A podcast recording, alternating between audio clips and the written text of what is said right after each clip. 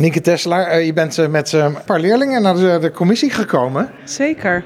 De jongerenraad stond op de agenda. Is dat iets wat inmiddels leeft bij jullie op school? Nou, we waren benaderd als school of we dus interesse hadden in burgerschapsvorming en uh, meedoen aan een eventuele jongerenraad. Ons onderwijs is heel erg gericht op intrinsieke motivatie en kinderen binnen- en buitenschools laten leren. Dus dit paste heel goed bij uh, onze visie op onderwijs. En wie heb je dus meegenomen? De eerste afgevaardigde of? Nee, dit zijn eigenlijk geïnteresseerde leerlingen die vanuit een soort inspiratiesessie al aangesloten waren. En ik heb hen gevraagd, want dat was voor mij eigenlijk de makkelijkste manier van zou je het leuk vinden om even aan te sluiten, zodat we ook eens kijken hoe het hier nou werkt. En uh, Jesper is het geloof ik hè? Ja.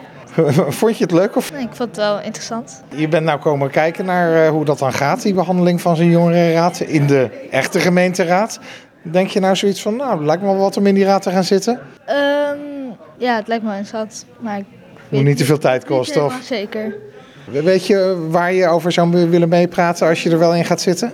Nou, over ja, wat ze ook bespraken hier, ja, gelijkheid van kansen voor verschillende leerlingen van verschillende niveaus en afkomsten. En dat sprak jou wel aan? Ja. Misschien is het wel een goed idee dan om je vinger op te steken op school. Ja, misschien wel. En uh, wil jij ook meepraten? Ja. Wat, en hoe heet jij? Ik heet Piotr. En Piotr, heb je zelf ook al in je hoofd uh, nou, een onderwerp in je hoofd waarvan je zegt, nou, daar zou ik het best eens over willen hebben? Um, nou, ik denk niet dat het helemaal mijn ding is, maar ik vind het wel interessant. En dan zou ik um, eerder gaan voor rechten van leerlingen en uh, zeg maar iets meer buiten de school meer. In plaats van helemaal schoolachtig.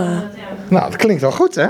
Zeker, trots op mijn leerlingen natuurlijk. Hoe, hoe, gaan jullie hier nou mee verder op school? Nou, wat wij moeten doen is gaan kijken binnen de school wie heeft nou echt interesse om dit te gaan doen. Dus dat betekent nog goede voorlichting over wat het dan inhoudt. Uh, en dan met een groepje bespreken gaan we dus echt verkiezingen houden of niet. We zijn er nog niet helemaal uit. Alle scholen doen het op hun eigen manier, geloof ik, hè? Ja, die doen dat op hun eigen manier. Ik weet wel dat van de leerlingen die toen bij die sessie waren, dat een aantal echt heel enthousiast was. Maar ook dacht, oh mijn god, en er wordt er straks gekozen. Maar wie wordt gekozen? De meest populaire of de meest uh, nou ja, gebekte, zeg maar. Uh, dus daar vonden ze spannend. Ja. Maar ook dat proces is iets wat wij als leerlingen onder elkaar uh, gaan bespreken. Hoe gaan wij hier nou mee om als school? Nou Alex, met Mitchell ben jij de aanstichter van dit plan hè? Ja, zeker. We hebben een flink traject achter de rug met z'n tweeën. Elkaar een jaar geleden ongeveer gevonden met uh, de ontdekking dat we hetzelfde idee hadden. Ingegeven ook door de jongeren en scholen zelf. En uh, ja, we hebben een heel uh, proces doorlopen en nu een voorstel liggen voor een jongerenraad.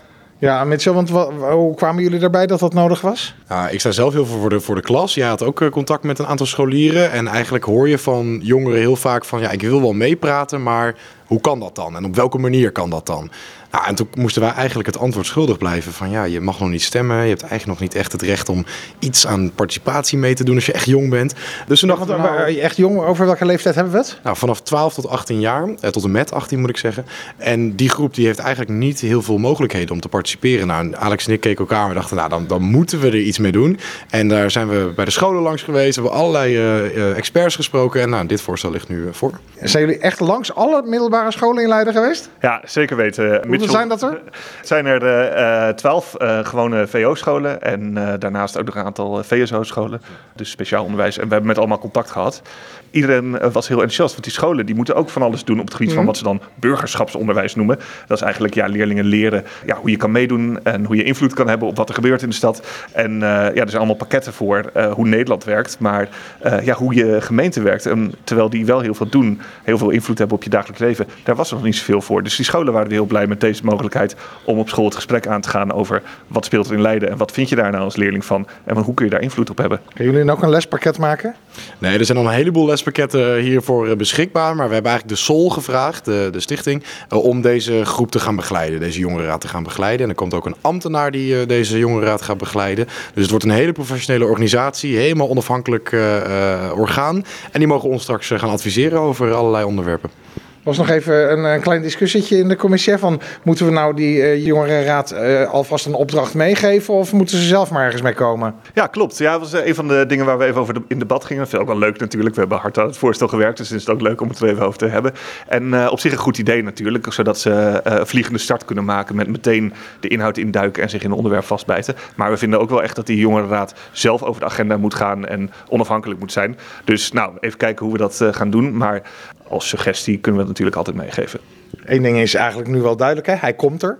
Ja, daar ben ik echt super blij mee. Alex en ik hebben er afgelopen jaar enorm hard aan gewerkt. Al die schoolbezoeken, al die jongeren die we gesproken hebben. Docenten, schooldirecteuren. Nou, echt enorm veel samengewerkt met alle middelbare scholen. En dat dit pakket er nu ligt en dat de raad zo enthousiast is. Nou, dat is voor ons ook echt een enorme kers op de taart van het harde werk. Hoe groot wordt die raad? Nou, ons voorstel uh, vaardigen alle middelbare scholen twee leerlingen af. We hebben nu twaalf middelbare scholen die zeggen mee te doen. Dus dat uh, zou een groep van 24 worden.